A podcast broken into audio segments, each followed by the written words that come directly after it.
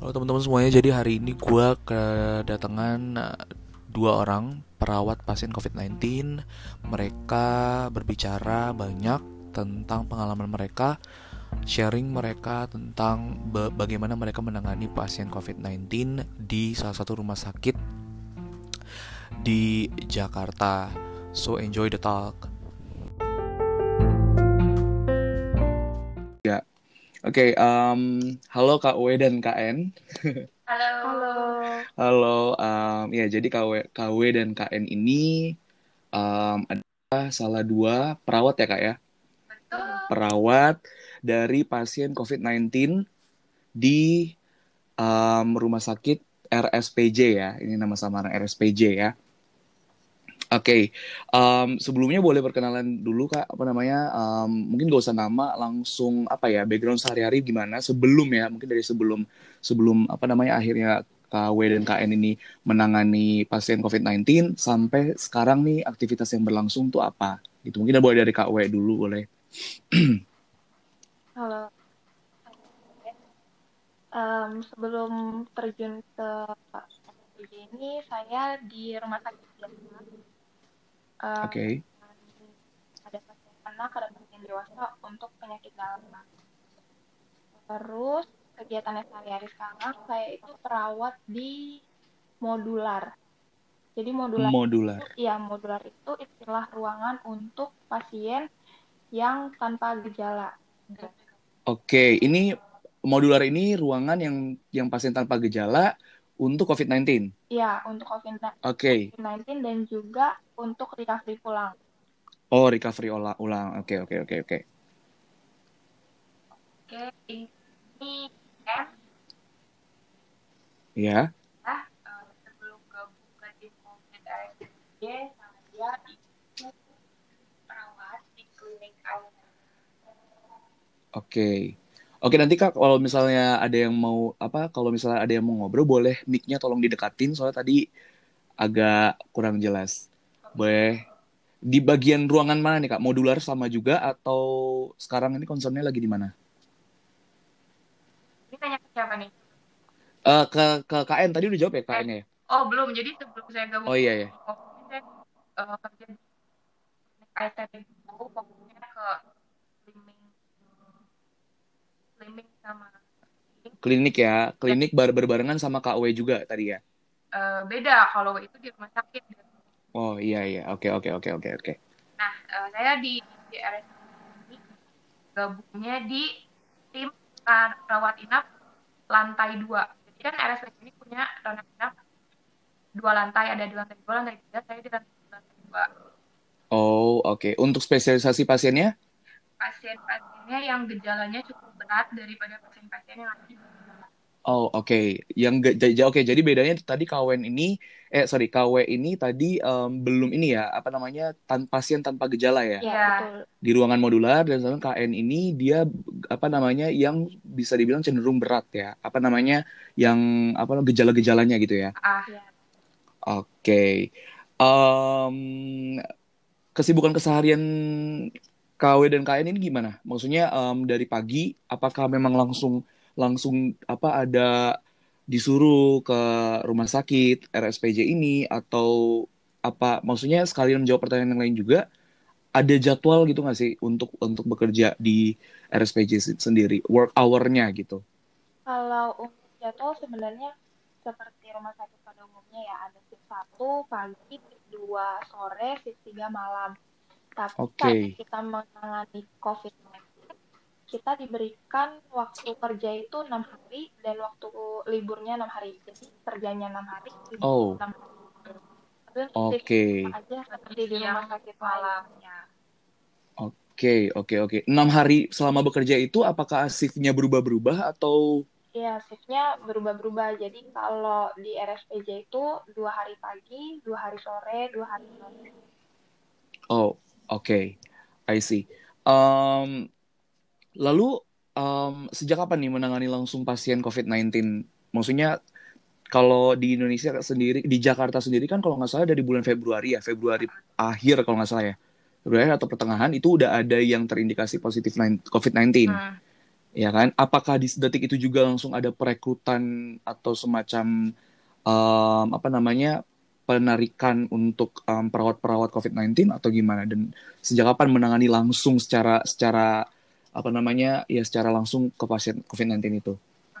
Kami Iya. menangani pasien COVID langsung itu pertengahan bulan April. Pertengahan bulan April berarti ber masih satu bulan lalu ya? Oke, okay. berbarengan kah dari KW sama KN? Iya, iya bareng. Oh, bareng. Oke, okay, oke. Okay. Ini menarik nih. Berarti berarti apakah um, ada satu satu apa namanya? satu um, apa ya? Satu kegiatan istilahnya buat misalnya ada perekrutan kah atau gimana yang dilaksanakan mungkin dari pihak rumah sakit atau dari pihak apa um, pemerintah gitu.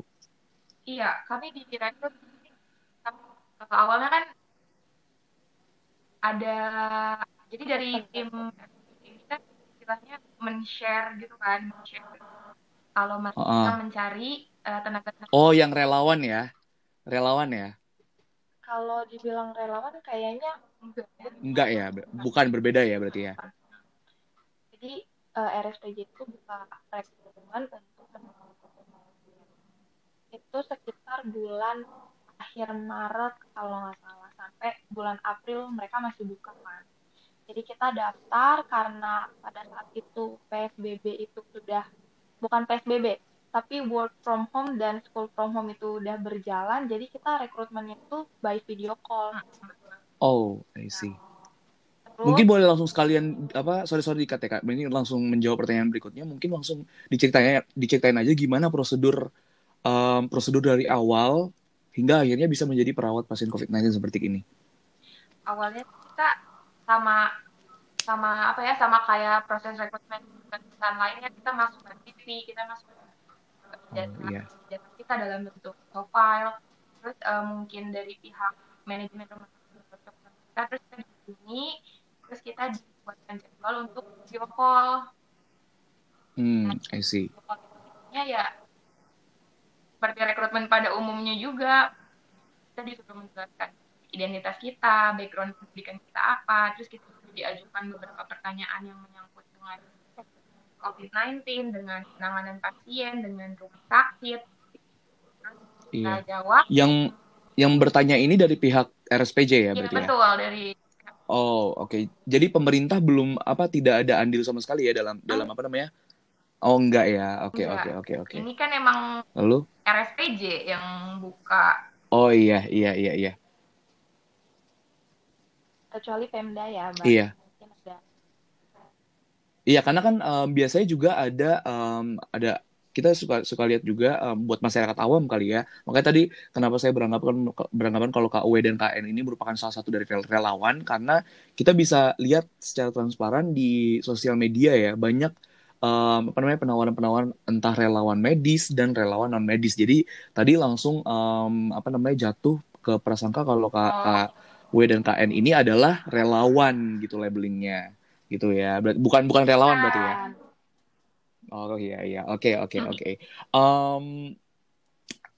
lalu apa waktu itu sebelumnya sebelumnya um, Kak W dan KN ini sudah udah lulus ya memang maksudnya sudah bekerja ya tadi ya udah waktu itu udah udah istilahnya um, udah apakah udah pernah punya apa namanya peng, mungkin pengalaman kecil bekerja di rumah sakit atau udah. gimana? Udah juga ya. Oke, okay, oke. Okay.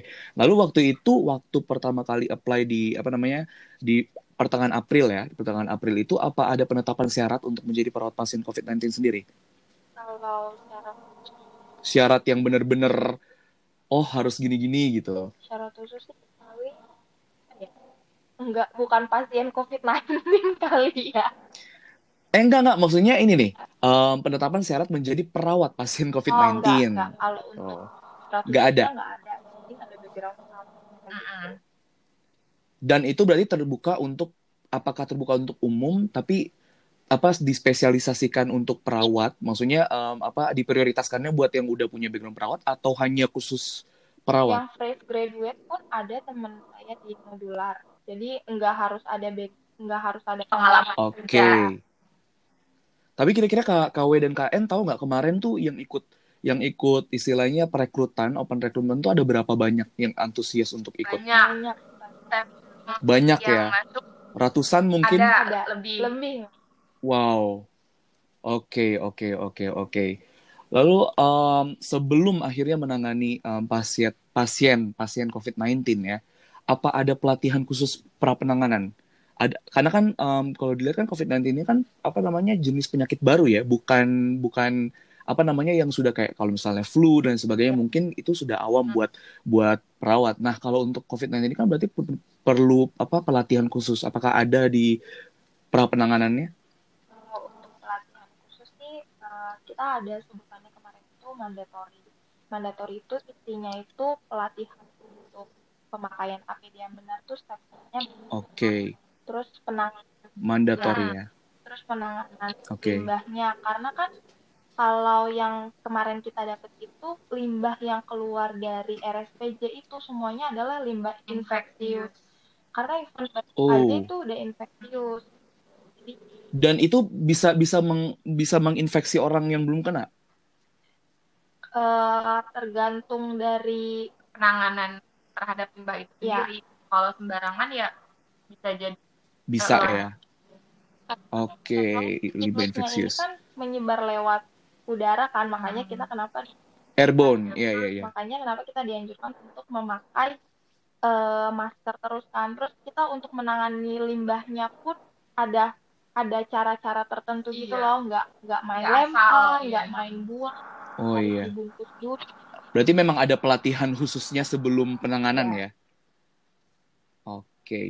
Um, lalu pada saat pertama kali KW dan KW dan KN terjun ke lapangan ke melihat kondisi langsung ya kondisi langsung di rumah sakit RSPJ ini um, kondisi apa yang yang tepat dan sekiranya dapat dideskripsikan dalam situasi di tempat itu sendiri pada saat pertama kali terjun? Kalau saya dari KW dulu, dulu boleh. Ya, kalau yeah. saya kan karena di modular jadi tuh modular itu bangunannya itu bukan bangunan tetap kayak kayak hmm. bangunan darurat gitu loh jadi oh iya iya jadi iya. lorong ruangannya itu pertama kali lihat kayak wow lumayan mencekam serem ya atau atau memang ya, gimana betul. karena dia bertekanan bertekanan negatif ruangan infeksius jadi oh. kayak ada hawa sesuatu gitu. hawa-hawa negatif ya kalau kalau hawa negatif sih kan cuma kayak serem gitu loh kayak oh iya iya. ini loh atmosfer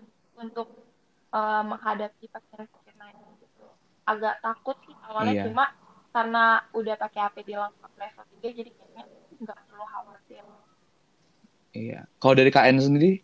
Sama sih kalau saya juga pertama kali terjun yang saya rasakan tuh serem. Karena yang saya lihat tuh di depan mata saya tuh ya teman-teman pakai APD lengkap yang baju astronot dan itu tuh Iya, PD astronot serem, ya. Iya. Serem banget. Padahal sebelumnya di rumah sakit sebelum kejadian COVID ini kan kita ya seragam rumah sakit lah ya, seragam. Iya, iya, iya. Udah paling mentok-mentok APD cuma masker. Iya.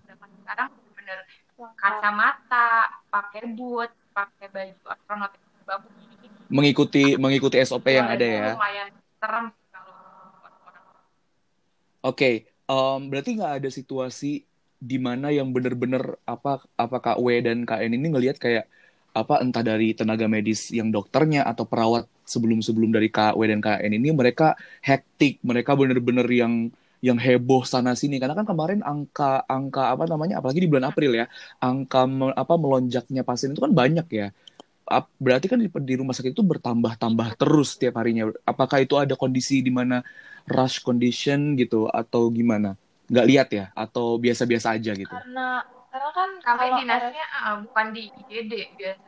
Ya juga oh. karena RSPJ ini kan benar-benar dia menangani COVID kan memang baru sekarang doang jadi kita nggak sempat lihat bagaimana kakak-kakak yang lain untuk menanganinya gitu loh. Jadi kita benar-benar langsung terjun seterjun terjunnya banget gitu Oh, oke, oke, oke, oke, oke, oke. Berarti seketika pertama kali terjun di lapangan, gak langsung, gak langsung temen apa teman-teman dari KW dan KN ini gak langsung semuanya basi pada baru gitu kan? Maksudnya ada ada yang ngawalin juga ya, gitu. Yang sudah senior, tapi karena baru banget dibuka RSPJ ini untuk jadi kita sama-sama belajar jadi kita sama-sama belajar oh kayak gini ternyata kayak gini ternyata nggak ada yang mengajarkan tapi kita sama-sama belajar, belajar karena ini memang baru banget. Oke. Oke oke oke. Um, pada saat ke pertama kali KW dan KN ini bertugas ya berarti di hari yang sama nih apakah tenaga apakah tenaga perawat pada saat itu ini di lain dari di lain dari KW dan KN ini ya dan teman-teman yang baru pada masuk ini apakah tenaga perawat pada saat itu dapat dikatakan cukup? Atau masih kurang bahkan? Ya, ini kan di luar di luar kami sama teman-teman baru ya. Iya. Uh, kurang, kurang. Oh masih kurang nah. ya, karena pun memang RSPJ ini baru pertama baru pertama kali buka oh, ya buat buat pasien COVID-19. Kan RSPJ ini rumah sakit biasa, gitu. cuman mungkin uh, diminta tolong sama atau apa untuk membantu rumah sakit rumah sakit COVID lainnya gitu. Ini RSPJ uh, buka lah maksudnya menyetujui okay, okay, rumah sakit okay. COVID dan karena kekurangan SDM mau nggak mau dia open recruitment. Uh, open recruitment. Oke okay, oke. Okay. Um, oke okay. di ruang modular dan juga di ruang sorry di ruang KM tadi rawat apa? inap. Rawat inap ya di ruang modular dan di ruang rawat inap. Apakah ada boleh akses ada batas akses tersendiri buat buat entah itu dari tenaga medis, entah itu dari keluarga kan kita udah pasti nggak boleh ya. Keluarga udah gak, mungkin nggak boleh untuk ngejenguk dan sebagainya. Tapi kalau tenaga medisnya apa? Mungkin ada peraturan misalnya satu ruangan itu nggak boleh lebih dari berapa orang dan sebagainya. Di ruang modular mungkin boleh. Di dari ruang modular dulu. Kalau pembatasan seperti itu eh, nggak uh, ada sih ya. Paling di gak ruangan ada ya? ini kita tuh ada kalau di RSPJ itu ada nyebut zona merah, zona hijau, zona kuning. Kalau zona merah itu harus APD lengkap selengkap-lengkapnya. Kalau zona okay. kuning itu APD tapi yang level 2. Oh, ada level ada. juga ya APD-nya ya? Kalau di zona Oh, maksudnya level 2 tuh gimana? Yang setiap levelnya tuh gimana? Apa yang beda? Uh, dari dari kelengkapan kelengkapan uh, kelengkapan mungkin mungkin kalau di kalau di apa di yang zona merah ini diharuskan pakai kacamata kali ya sebelumnya hmm sebelumnya nggak apa-apa nah, gitu atau dan dari masker sih biasanya kalau level tinggi kita oh. pakai kalau level 1 dan level 2 tuh biasanya pakai masker bedah biasa oh nah, I see, harus pakai nah, baju astronot juga kalau di level 2 Oke, okay, oke. Okay. Um, untuk di ruang modular sendiri ya, kita kan luar ruang modular dulu. Di ruang modular sendiri paling banyak dan pa kapasitas kapasitas pasiennya itu di satu ruangan berapa dan paling banyak pernah KW ini pernah lihat tuh sebanyak apa gitu? Banyak betul. Di RSPJ sendiri? Kalau di modular sendiri itu kapasitas bednya itu maksimal 90 orang. Ya, 90? 90 orang. Yang terisi sekarang itu 50. Wow. Oke, okay. dan ini ada jaraknya ya? Maksudnya nggak nggak satu dibarengin gitu nggak ya? Nggak, nggak. Nggak ada jarak. Lalu itu paling banyak berapa berapa Kak Widya lihat full 90? Kalau untuk mencapai angka 90 sih belum, maksimal itu. 50. Belum ya. Baru 5. Oke, oke. Okay. 50 ya, baru menyentuh angka 50. Dan kalau untuk ruangan ruang inap sendiri? Kalau rawat inap. Eh iya, rawat inap.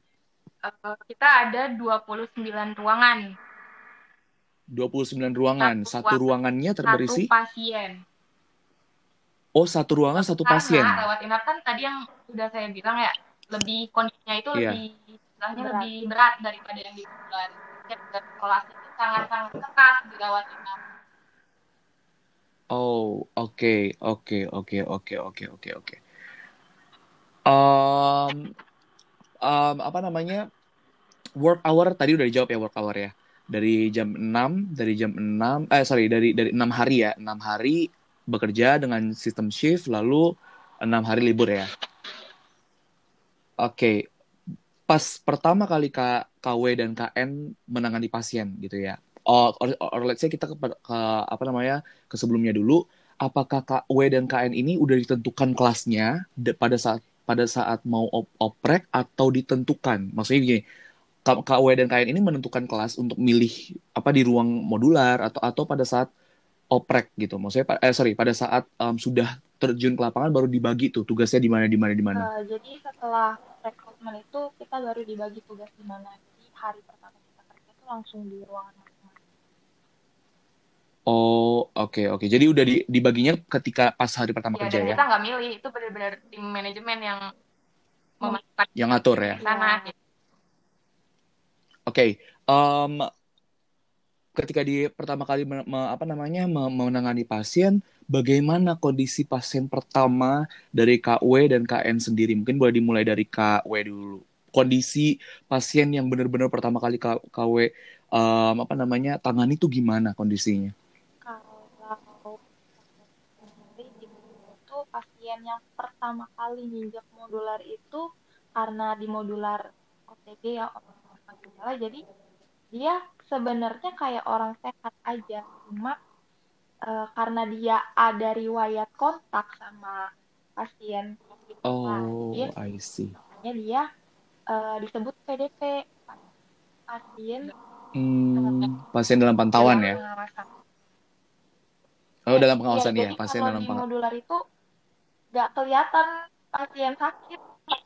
Jadi belum belum nggak maksudnya biasa-biasa aja, aja gitu ya? kadang kalau pagi di modular itu pasiennya olahraga sendiri di dalam ruangan. Ya, ya entah push up entah dia lari-lari.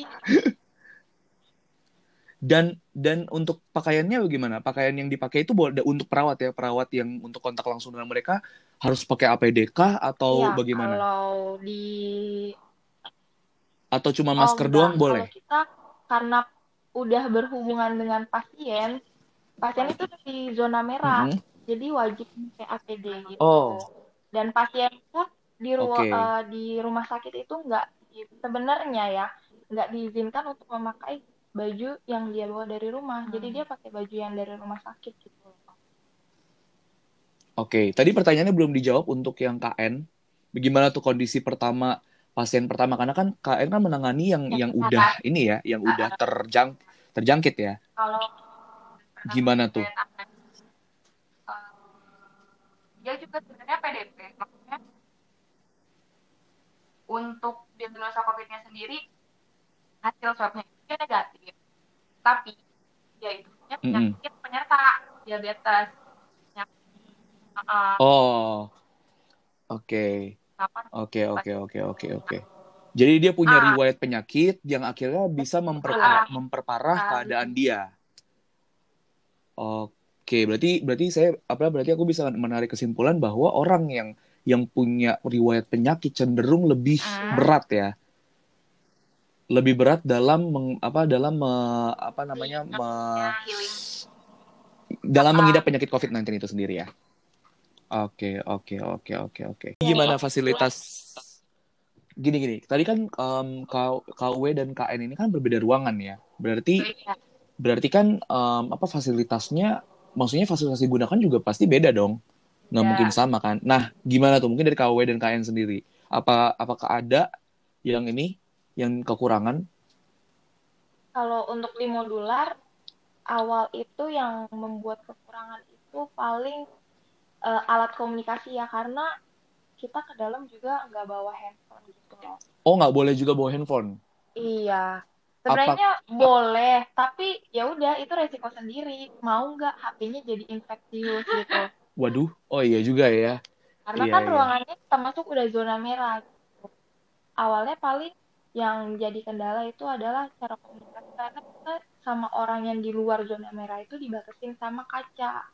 Hmm. Jadi untuk komunikasi itu susah nggak kayak kita gini loh gampang kedengeran. Hmm. Makin ke sini uh, eh, RSPJ udah nyediain tab terus walkie talkie jadi uh, komunikasi juga makin udah makin lancar lah ya, ya. jadi untuk hard hardwarenya ini nggak nggak ada yang nggak ada yang apa namanya nggak ada yang kekurangan sama sekali ya? Fasilitas dari perangkat perangkatnya nggak ada ya? Iya, cuman tadi alat komunikasi aja ya? Iya. Sama ini sih satu kalau misalkan uh, di dalam yang zona merah itu nggak disediain banyak gitu loh misalkan kayak suntikan dia tuh nggak nyediain satu box langsung di dalam enggak karena hmm. pikirnya mubazir loh barang yang langsung ditaruh di zona merah karena nggak akan bisa lagi balik ke zona hijau karena itu udah infeksius udah udah infeksius ya iya, oke oke okay, okay.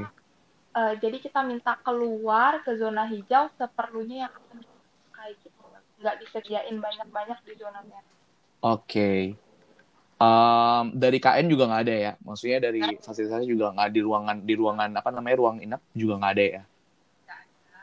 Oke oke oke. Nah um, next untuk worst situation situasi yang paling buruk yang pernah Kak W dan KN alami selama merawat pasien COVID-19. Mungkin kalau buat Kak W karena um, pasiennya sendiri nggak nggak merasa apa namanya nggak ada gejala signifikan. Kalau KN sendiri mungkin atau KW juga punya apa namanya cerita sendiri?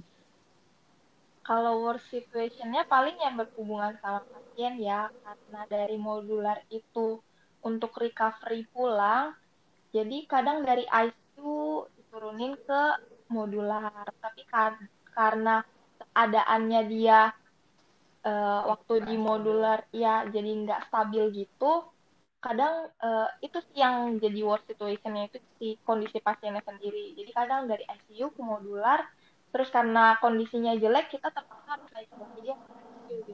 Untuk perbaikan kondisinya dia. Oke okay. kalau untuk kalian sendiri? Uh, worst situation. Baru-baru kemarin tuh dua hari yang lalu. Jadi pasti cek sih aman aja semuanya. Maksudnya uh, tekanan darah normal heart rate normal nadinya normal saturasi oksigen normal karena dia terpasang masker gitu kan masker apa yeah. yang, alat bantu uh, alat bantu kita bingung maksudnya masalahnya di mana kenapa pasien mengeluh sesak gula ternyata gula dia ngedrop hmm. benar-benar berarti berarti emang benar-benar benar-benar penyakit apa pun bisa mempengaruhi COVID-19 ini paling parah ya mak apa makin parah ya drop tapi pas udah di cairan gula udah normal lagi Oke, oke, oke, oke, oke.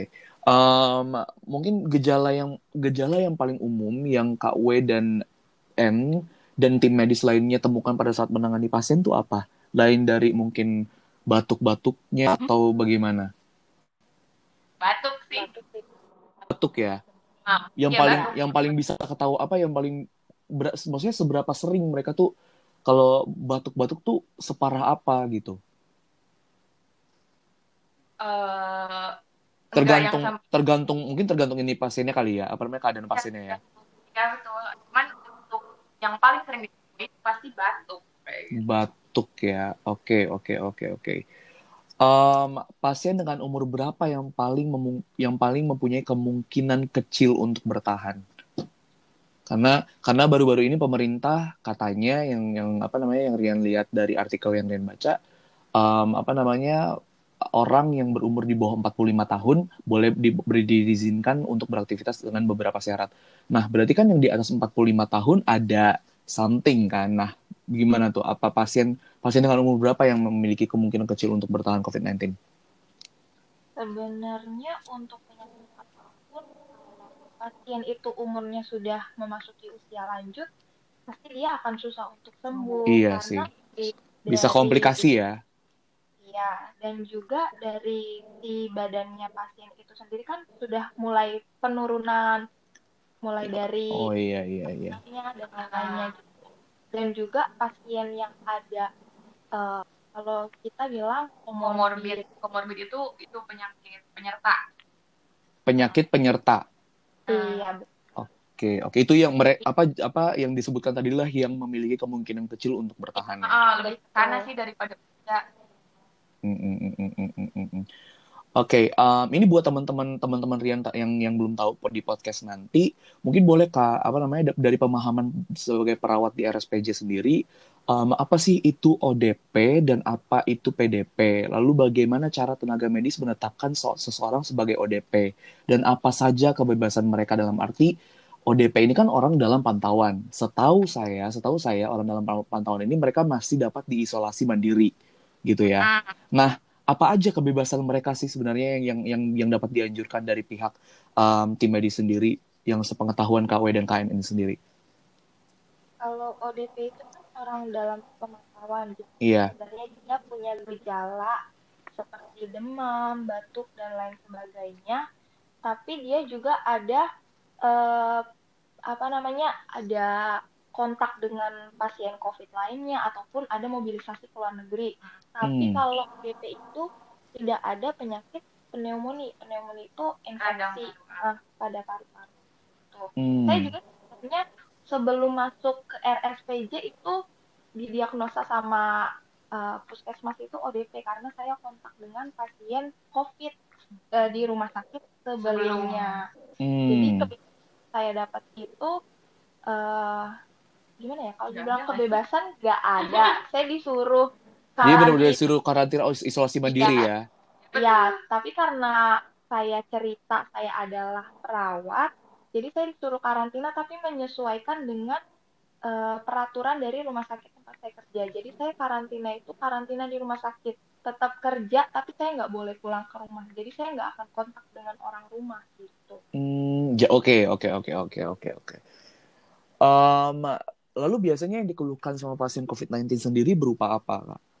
Mungkin dari K, KN dan KW sendiri. Apa karena beda kelas ya? Beda kelas apa beda ruangan tentunya beda beda mungkin beda beda keluhan sendiri gitu. Nah, yang paling umum apa di, di setiap kelasnya? Mungkin dari KW dulu boleh. Kalau karena di modular paling ya itu batuk. Kalau demam pun uh, sedikit ya untuk demam. Yang paling sering adalah uh, batuk. Oke, demam sedikit ya untuk di ruangan modular sendiri ya? Iya, betul. Oke, kalau di untuk KN di ruang rawat inap? itu batuk sama sesak nafas. Kalau untuk demam mereka kadang bilang dulu karena kita cuma kan paracetamol. Oke. Oke, jadi jadi di ruang di ruang rawat inap memang lebih banyak ya apa namanya lebih banyak indikasi-indikasinya ya. Oh iya tadi uh, kita iya. belum nyebutin yang, yang PDP. PDP. Oh iya yang PDP tadi, sorry. Oh, kalau untuk PDP itu sebenarnya hampir sama definisinya dalam pengawasan itu adalah orang yang mengalami gejala demam atau ada riwayat demam dan gejala-gejala infek apa infeksi saluran pernapasan atas seperti batuk. Tapi bedanya sama ODP, kalau PDP PDP itu disertai pneumonia ringan sampai berat. Jadi dia hmm, udah Berarti dia udah udah ada udah udah terinfeksi apa udah ada pneumonia ya? Betul.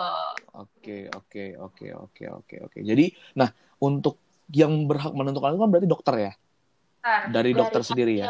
Iya, sama dari hasil laboratorium dan juga ronsen toraks. Oh. Oke, oke, oke. Berarti memang dari dokter, dari tenaga medis lalu ada bukti-bukti pendukung dari apa uji lab juga ya? Iya, Oke, okay. um, kapan akhirnya pasien COVID-19 ini dapat diizinkan untuk istirahat di rumah? Tadi tadi KW bilang kalau ruang modular adalah istilahnya tempat um, lalu lintas akhir ya bisa dibilang ya, sebelum akhirnya boleh diizinkan pulang gitu. Kalau untuk uh, pasien boleh pulang itu kita harus melakukan pemeriksaan swab dulu sekitar 2 sampai tiga kali dan hasilnya itu negatif. Oke. Okay. Terus ya kenapa? Oke okay, oke. Okay. Um, so, sorry sorry ya kak saya saya potong. Swab ini kan setahu saya um, ke yang yang tes yang agak memakan waktu lama ini yang swab ini bukan? Yang kalau nggak yeah. salah 2 sampai tiga hari ya prosesnya. Yeah. Nah ini kan berarti kalau kalau perlu tiga kali tes swab berarti dia akan menghabiskan kurang lebih satu minggu untuk akhirnya nunggu dia boleh dibolehkan pulang gitu.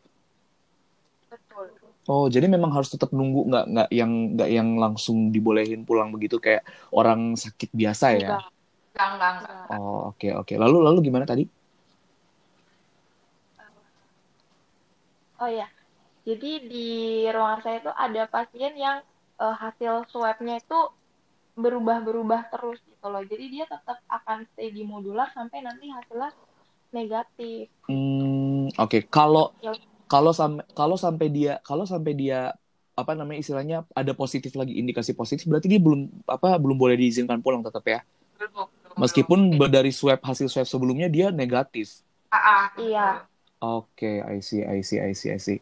Um, mungkin suka duka ini. Kita langsung ke pertanyaan-pertanyaan terakhir. Sebelum nanti kita uh, nanti aku mau coba menjawab pertanyaan-pertanyaan teman-teman aku dari Instagram juga suka duka selama menjadi perawat COVID-19? Boleh dari KN dulu deh, dari tadi Kak KW udah. Oh, Kalau suka, dukanya dulu deh, duka. Iya, boleh duka. duka. kalau juga saya pribadi ke fisiknya lebih capek daripada kita di rumah benar benar benar dulu karena tadi kita wajib pakai APD level 3 yang benar-benar ketat semua tertutup gerah ruangan-ruangan di RSPJ ini ruangan yang tekanan negatif Hmm, ya jadi udah euforianya memang udah terbuat Ah, ya. bikin ya bikin, bikin kita aku ngap Oh, iya iya iya. kalau sukanya pengalaman baru sih pengalaman baru terus eh, secara apa ya secara daily living kita tuh dipenuhi oleh pihak rumah sakit hmm, hmm, hmm, hmm, hmm. Pengenakan karena kita nggak boleh campur sama teman kosan atau keluarga kita kan kita benar-benar nggak boleh kan kita diisolasi nah, jadi eh, rumah sakit menyediakan kita penginapan lalu juga serta makan dan transportasi Hmm, hmm, hmm. Oke oke. Dari KW sendiri? Kalau untuk kita dengan pasien itu kayak ngerasa bener-bener sangat dihargai banget Yes. karena sepengalaman saya ya di rumah sakit di rumah sakit sebelumnya itu kadang tuh pasien suka pelit untuk mengucapkan terima kasih Hmm. tapi di di rumah sakit covid ini kita mau kita cuma nganterin dia baju pun handuk atau nganterin dia ke kamar mandi pun dia udah sangat-sangat terima kasih Hmm. dengan bukain dia eh, apa namanya bukain jeruk bungkusan obat dia udah bener-bener aduh terima kasih ya dia Hmm. bener-bener Meng- menghargai sekali ya. sangat dihargai Hmm, Oke oke oke. Eh, untuk dukanya paling ya nggak bisa ketemu keluarga karena kita di karantina karena perawat itu Tetap juga sama ya. Tetap ya sama Iya. para medis itu udah di udah ODP udah ODP dibilangnya udah udah udah udah udah lah udah pasti ODP gitu ya. iya Mau mau mau pakai pengaman apa pun tetap ODP gitu. ODP Oke, em, ini mau ke pertanyaan-pertanyaan em, apa namanya em, teman-teman aku. Salah satunya dari teman Kawidia juga nanya, Kaminya. Oh, iya. em, ada dari teman aku em, Valencia, ada pengalaman atau cerita yang bersangkutan sama pasien COVID-19 nggak yang bisa diceritain yang paling unik dari KW dan KN sendiri? Oh, iya. dari N dulu mungkin Boleh dari KN dulu. Ya, Eh, uniknya dalam hal apa nih maksudnya semua Terserah, em, apa namanya, mau unik apa pun itu, mau mungkin lagi ngerawat terus tiba-tiba pasiennya bad mood atau gimana gitu. oh ya udah Gimana? mulai dari dari W dulu dari W dari dari W dulu ya Iya, iya, iya. Kebetulan semalam itu di modular itu Semalam kan ya? bukan- ya bukan lagi jam dinas saya itu ada yang ada yang plus ada yang meninggal ada yang lewat Waduh.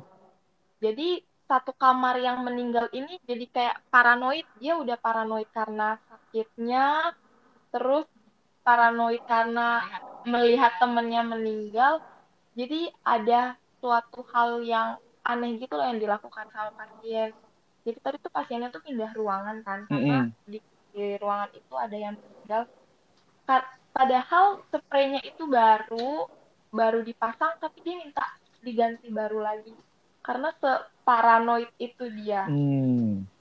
I see, I see, I see. cerita Oke, dari COVID itu memang dari segi psikisnya pun akan Kayak- akan bener-bener paranoid ya kak ya? iya kayak Iya, iya, bisa ngerasain kalau sih, bisa kan- ngerasain. karena ini kan pandemi baru ya jadi pasien itu pada takut gitu Iya, lagi pula mereka berpikir gua nggak apa namanya, gua nggak mau dapat ginian juga kalau ditanya gitu. ya Ah, kalau kalau kalau Iya, pas kalau pasien yang sakit apa namanya yang sakit-sakit panas gitu kan itu kan karena memang apa namanya pola hidup dia yang nggak dia nggak yang apa tuh Ah, namanya yang nggak sehat. Nah kalau misalnya yang terpapar kan istilahnya kita nggak tahu gitu kan, kita nggak mau loh tapi nggak mau tapi kenapa kita begini gitu ya? Iya bisa ngerasain bisa ngerasain. jadi kita setiap hari itu harus banget menyemangati mereka tadi Oke. juga saya dan teman-teman setim itu baru ngajak apa namanya pasien itu untuk joget. Pokoknya mereka harus happy. Yang ada yang Aduh. jangan ada yang termenung Tapi- jangan ada Tapi bener loh kak, tapi bener saya lihat apa em, lihat artikel kalau orang yang yang apa namanya um, yang istilahnya sudah di atas umur mereka rata-rata bisa bisa apa namanya bisa sembuh karena bawaan berpikir mereka tuh yang positif gitu loh. Dan itu memang karena, berpengaruh.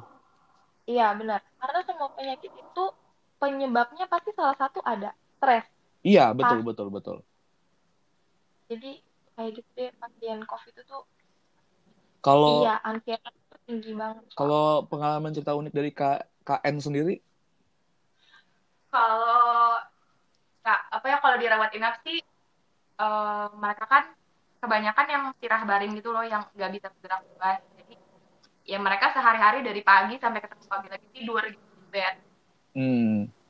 Jadi nggak ada nggak ada ya yang yang yang ya udah gitu-gitu aja gitu uh, paling yang bikin lumayan merinding di nih sebelah ruang ranap tempat saya dinas nih kamar mayat waduh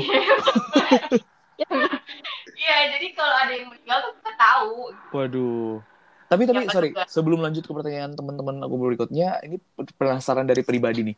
Kak, Kak mungkin KN ini ya, lebih ke KN. KN pernah lihat nggak yang bener-bener mereka tuh last minute sebelum akhirnya, sorry, bisa dibilang um, lewat gitu. Pernah nggak lihat yang bener-bener dia udah last minute gitu, udah udah udah udah udah bener-bener terakhir ah. detik-detik terakhir.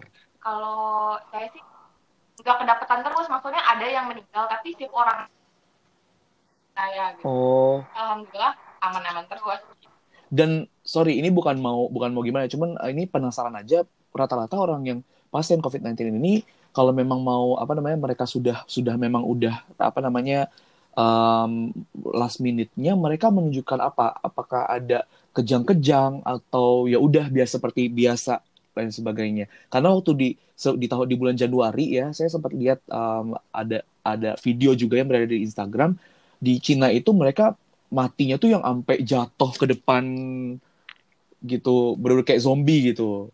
Atau ini apa gimana? Nah itu dia, soalnya yang saya saya sih itu aman. Nggak tahu ya? Oh, nggak nggak pernah menemukan. Nggak pernah lihat juga ya? Oke oke oke. kayaknya okay. kalau video yang zombie itu kayaknya bukan kok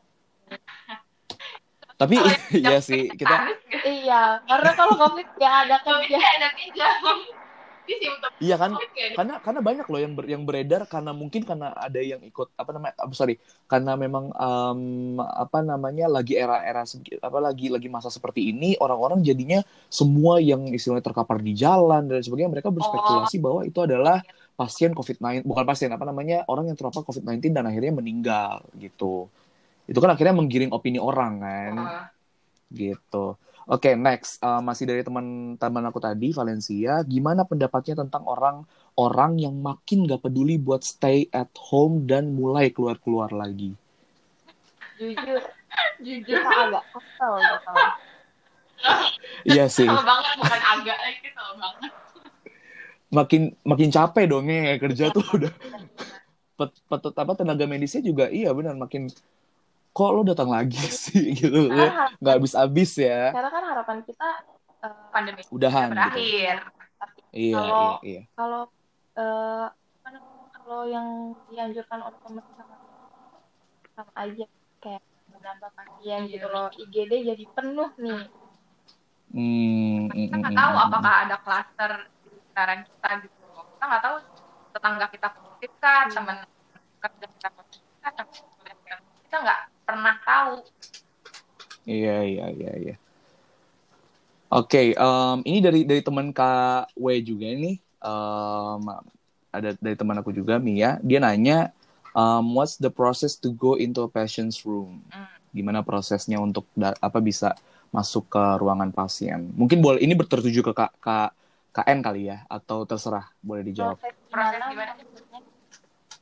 Masuk ini what's the process to go into a patient's room mungkin mungkin lebih ke prosedur-prosedur sebelum masuk ke pasien ya kayak ya? maksudnya ruangan pasien itu sendiri kali ya adakah prosedur-prosedur yang sebelum dilakukan untuk pasiennya sendiri Enggak, untuk perawat, perawat, perawat. Oh, kalau perawat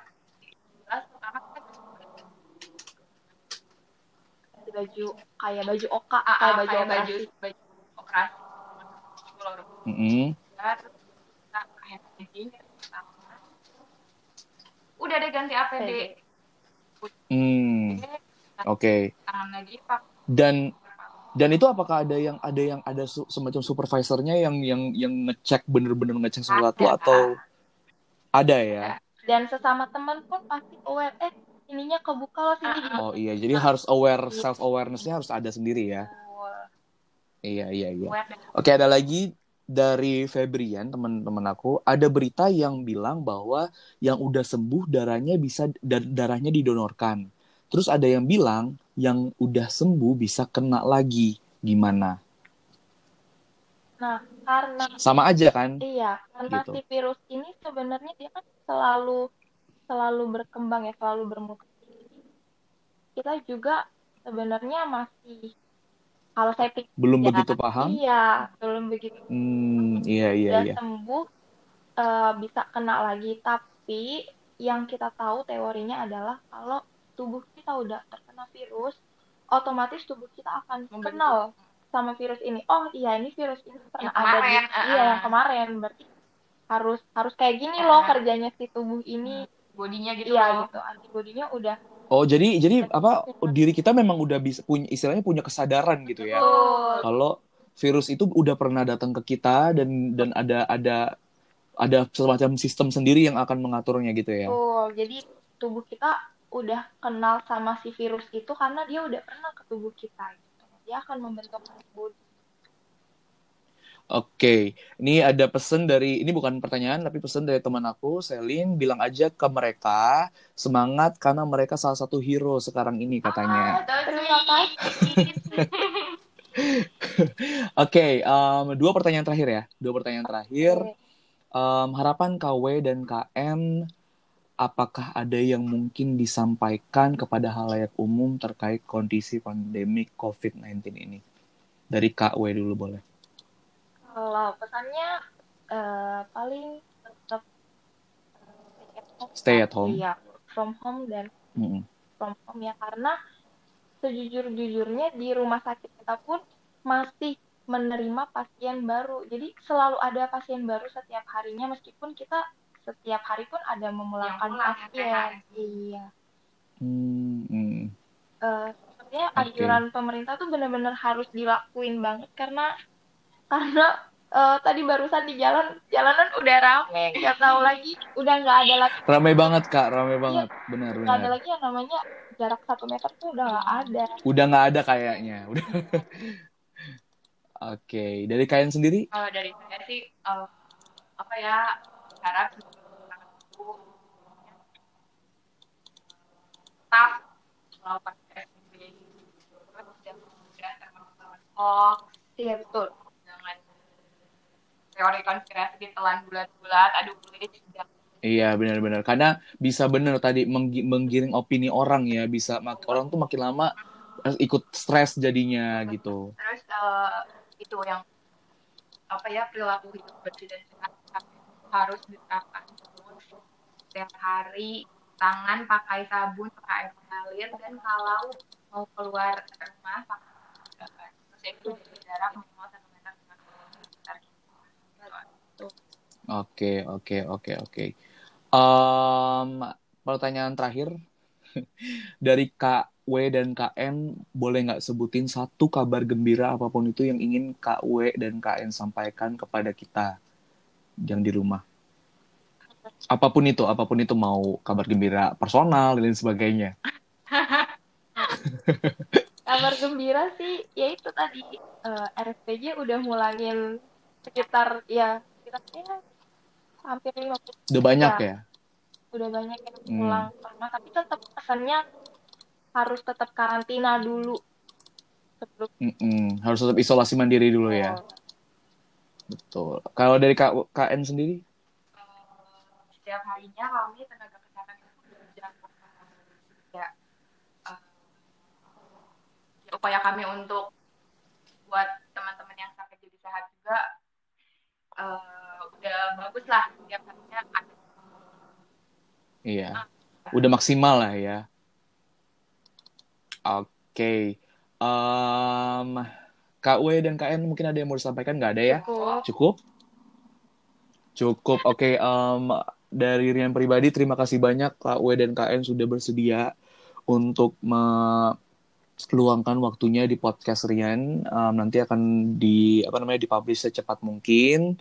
Um, harapan dari Rian semoga Kak W dan KN ini sebagai istilahnya tadi kata teman Rian juga garda terdepan ya dapat punya apa ya um, kesehatan yang berlebih gitu ya karena karena tanpa adanya kalian kan kita nggak tahu nih siapa yang akan maju ke depan gitu. Semoga um, diberikan kesehatan, um, pekerjaannya lancar ya, dan istilahnya um, semoga angka pasien yang terkonfirmasi positif berkurang ke depannya.